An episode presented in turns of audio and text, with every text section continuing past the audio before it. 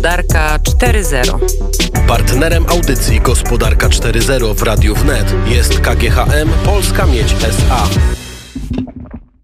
A my w, w, przenosimy czas do studia przy Krakowskim Przedmieściu. Łukasz Jankowski, witam Państwa bardzo serdecznie.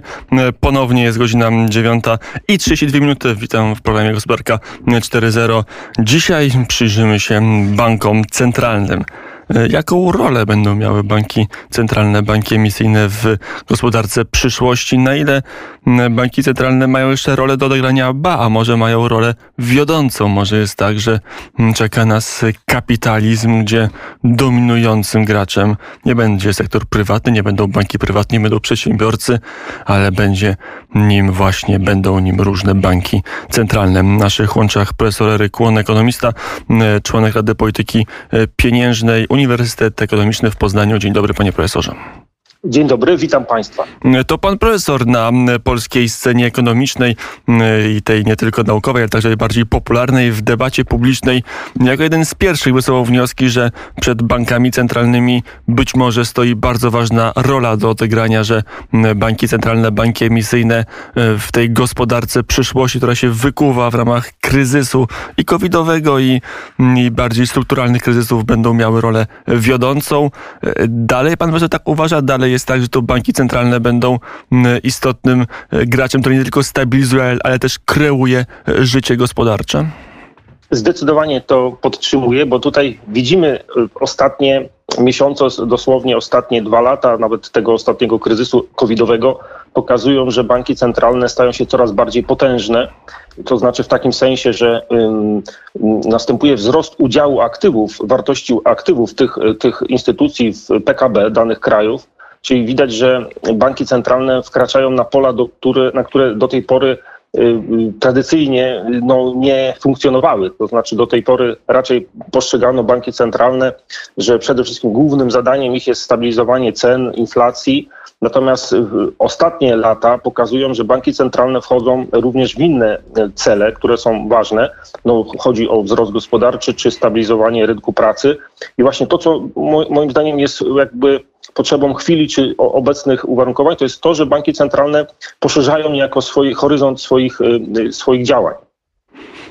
I w którym kierunku? Na ile jest tak, że banki centralne gdzie szczególnie są potrzebne i gdzie chcą być potrzebne?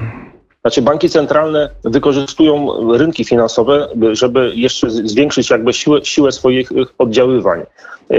Chodzi o to, żeby poprzez różne właśnie y, aktywa, to znaczy tak jak na przykład ja tutaj proponowałem również, żeby nawet nasz bank centralny był też aktywny na rynku finansowym i żeby pewne aktywa mógł też nabywać, to znaczy tak jak na przykład te kluczowe banki centralne świata, y, no właśnie również kupują na przykład y, nie tylko obligacje rządowe, y, czy, czy, czy, czy właśnie bardziej związane właśnie ze skarbem państwa, ale również firm prywatnych, no na przykład obligacje korporacyjne, na przykład kupują takie banki centralne jak Bank Anglii czy y, bank właśnie amerykański, Fed, y, a znowuż akcje, no to jest też ciekawe, że Bank Japonii tutaj takim jest przykładem, że wręcz kupuje akcje spółek y, po prostu na giełdzie japońskiej. Oczywiście robi to poprzez taki pośrednie, bo do, dokonuje to poprzez pewne specjalne rodzaje funduszy, które tworzy, tak zwane ETF-y, które są jakby po prostu to jest, polega ten fundusz na tym, że się inwestuje w pewien benchmark, to znaczy pewien taki jakby punkt odniesienia. I tym punktem odniesienia są indeksy giełdowe japońskie, japońskich spółek. Więc tutaj to uważam, że jest bardzo ważne i też oczywiście bardzo ważna sprawa rezerwy walutowe. To znaczy banki centralne stają się potężne, dlatego że gromadzą potężne rezerwy walutowe, zwiększają te rezerwy walutowe. Dlaczego? No bo chociażby z tego powodu, że mogą wpływać na w ogóle silnie mogą wpływać na gospodarkę, ponieważ zazwyczaj można powiedzieć tak, że to 80-90% aktywów, wszystkich aktywów takiego typowego banku centralnego, tak samo naszego banku centralnego, to są rezerwy walutowe, czyli zyski tych e, banków centralnych one idą właśnie, są źródłem tych zysków, to są właśnie rezerwy walutowe, czyli sposób zarządzania tymi rezerwami. Im bardziej efektywny sposób zarządzania, tym większe są po prostu zyski banków. Oczywiście celem, i znowu tutaj wkraczamy na kolejne pole.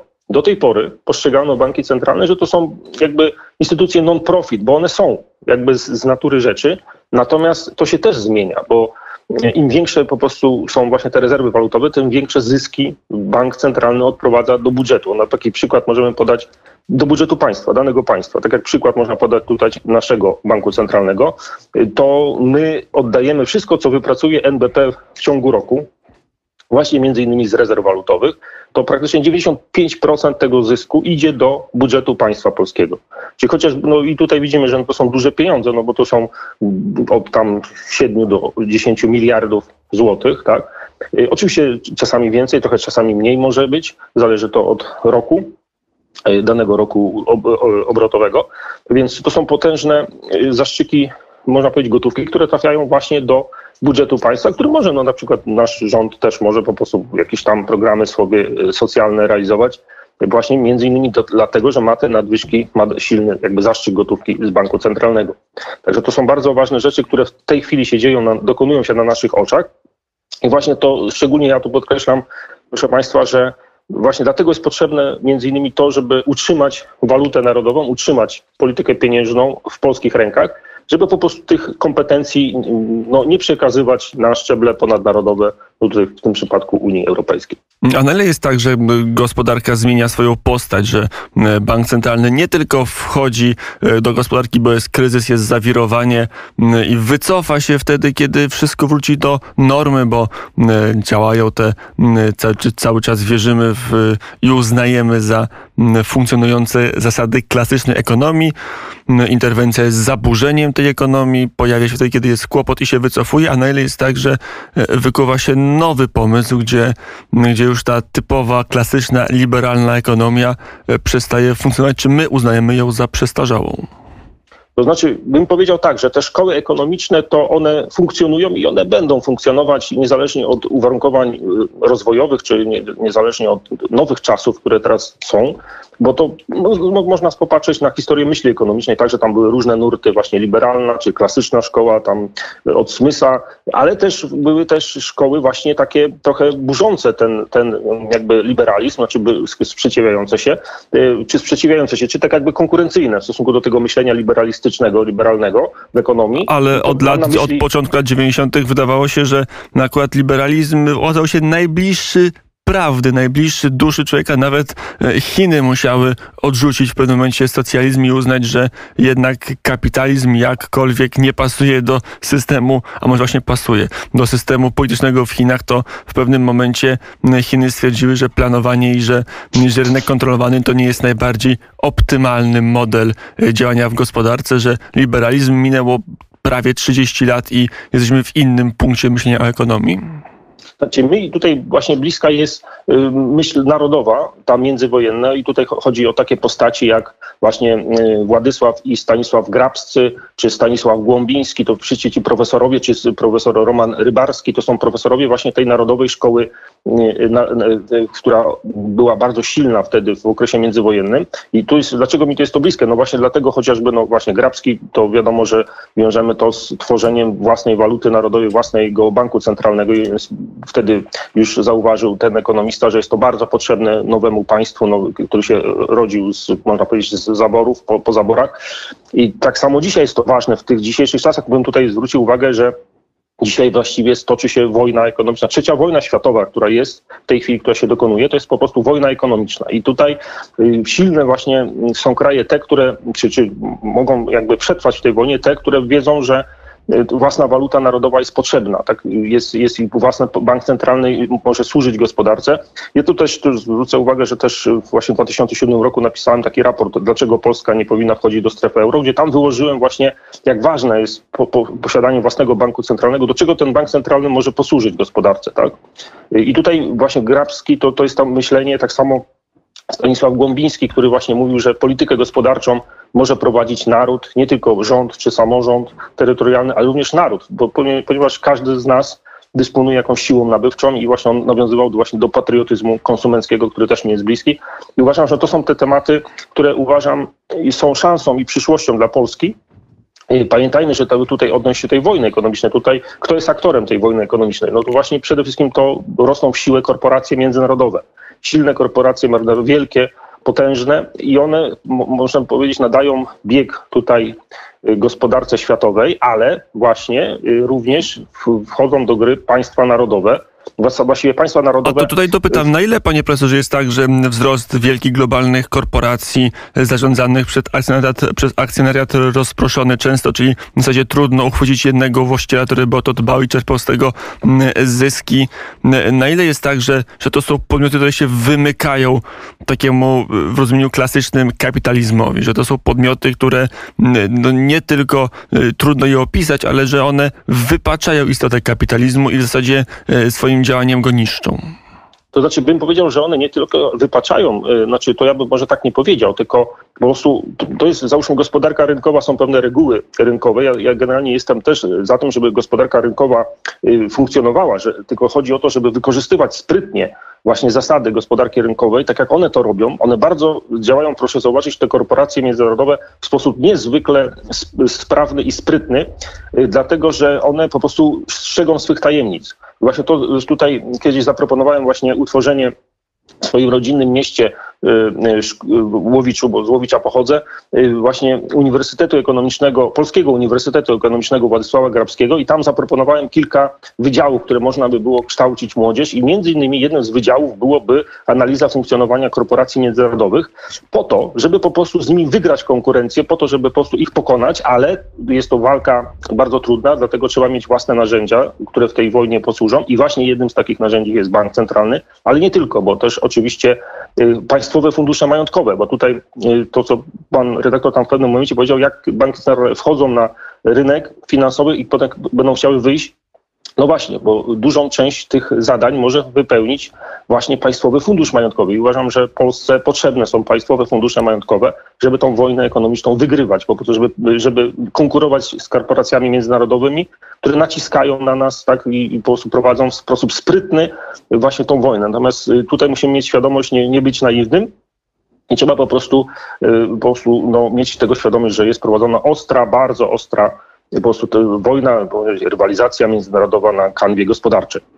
E, a bank centralny, na ile jest takie zagrożenie, że e, nagle gospodarka w przyszłości to będzie gospodarka, gospodarka wielkich globalnych korporacji i państw z bankami centralnymi na czele, które też będą posiadać własne akcje, własne fundusze i będzie tylko to, wielka korporacja, państwo i więcej nic.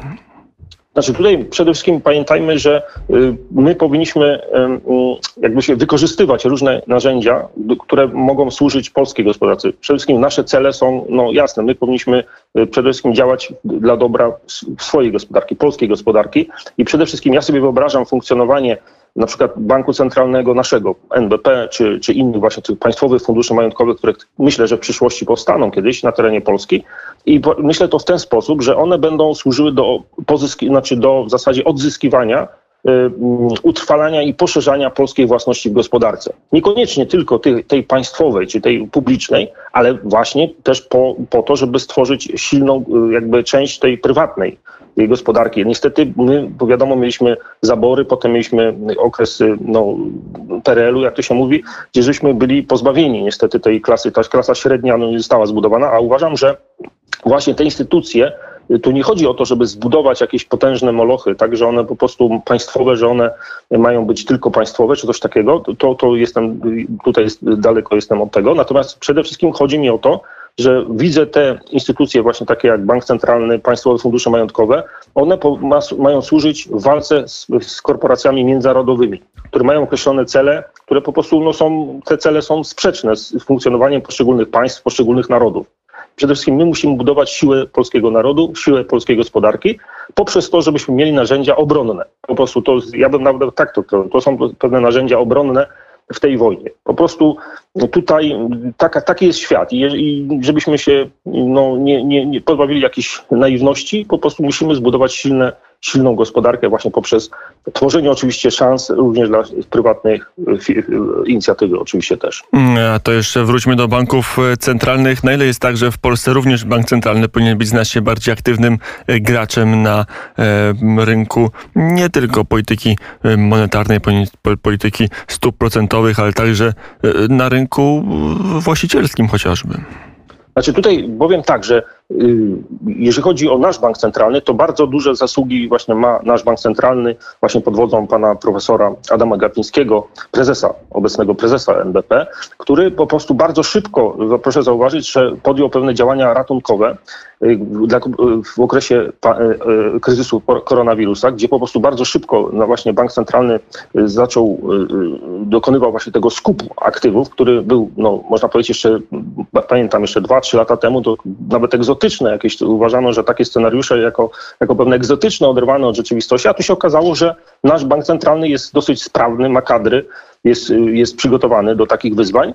Natomiast to wyzwanie, które teraz pan, pan redaktor powiedział, oczywiście tu wymaga to bardziej spokojnego przemyślenia. Pamiętajmy, że to właśnie tak jak powiedziałem, trzeba by pewne analizy potrzebne są pewne dodatkowe, szczegółowe analizy, jakby mógł bank centralny, nasz bank centralny to dokonywać, y, właśnie tutaj być aktywnym na rynku finansowym poprzez skup właśnie aktywów, y, czy na przykład akcyjnych, czy, czy tutaj bardziej no, korporacyjnych, to tutaj trzeba oczywiście bardziej żmudnych analiz, a przede wszystkim są to, tak jak powiedziałem, jeżeli chce się wygrać wojnę z tymi korporacjami międzynarodowymi, które o nas bardzo dużo wiedzą, one po prostu działają bardzo w sposób dyskretny, sprytny, nie ujawniają swoich tajemnic, więc my musimy się też zachowywać tak jak na przykład, y, pił, załóżmy jest y, mecz piłki nożnej, załóżmy, tak? I trener tego zespołu piłki nożnej, no gdyby ujawnił przed meczem taktykę, no to po prostu by był ostatnim, no po prostu by był bardzo naiwny, więc trzeba bardzo tutaj spokojnie o tym mówić. Jeżeli chce się wygrać, konkurować z tymi korporacjami, które po prostu nie mówią wszystkiego, ukrywają,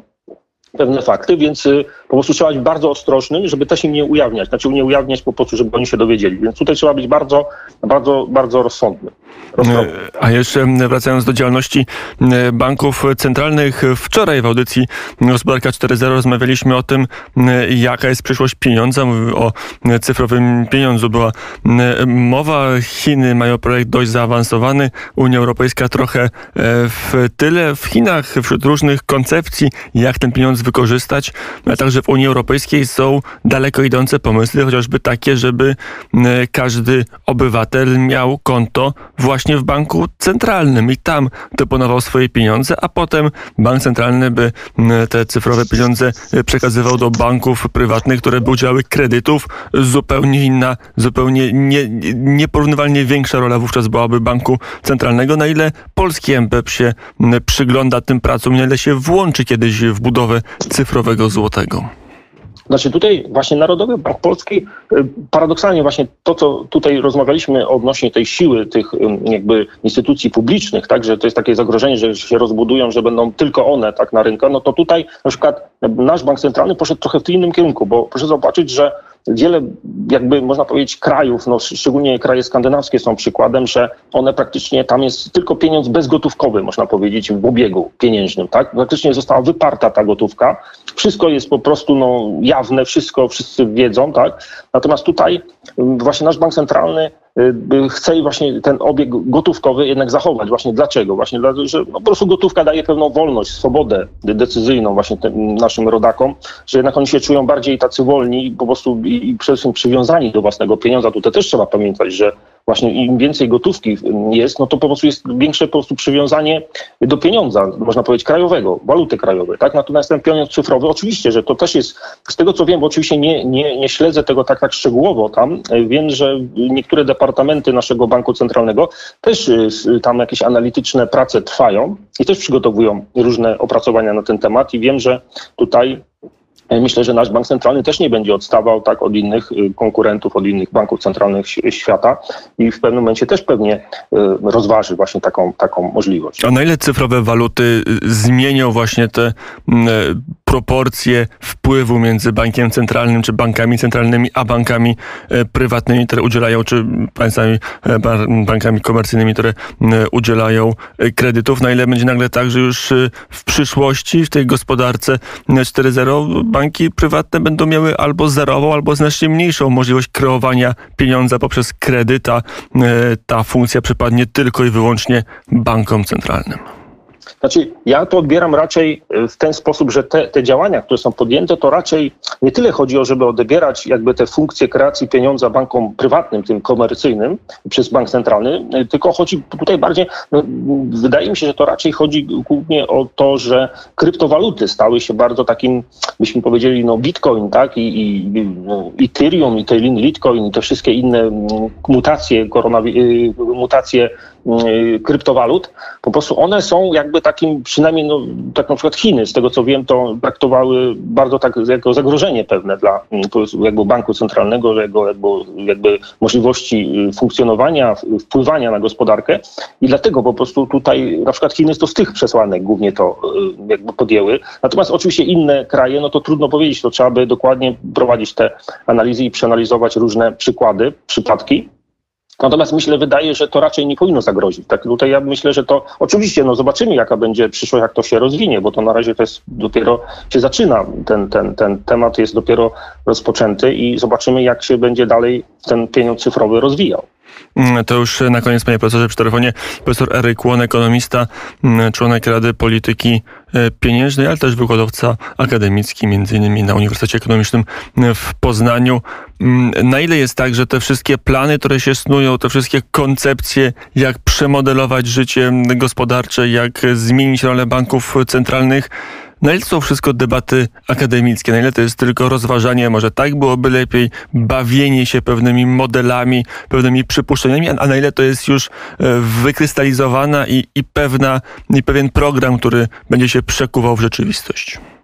Znaczy przede wszystkim, ja tak jak powiedziałem, ja jest, mi jest bliska myśl narodowa, szkoła narodowa i ona, dlaczego mi jest bliska? Dlatego, że ona promuje właśnie myślenie patriotyczne w ekonomii, właśnie posługuje się patriotyzmem gospodarczym, dlatego, że tu jest bardzo ważna sprawa, że właśnie w, jakby w analizach ekonomicznych jest mowa o narodach, o narodach, o właśnie to, o polskiej rodzinie tutaj, no, promo, bo naród, no to jest, jak powiedział święty, yy, znaczy prymas tysiąclecia święty Stefan Wyszyński powiedział, że naród, no to jest rodzina rodzin, czyli po prostu można powiedzieć, że on zachęcał, żeby właśnie, przed, właśnie mówił, przed, przestrzegał w zasadzie nas, nas rodaków już wiele, wiele lat wstecz, jeszcze przed przemianami ustrojowymi, przed ułudą internacjonalizmu. Właśnie to, co niestety się dzieje y, y, z ochydzaniem tego, co polskie i, i promowaniem tego, co zagraniczne, kosztem tego, co polskie.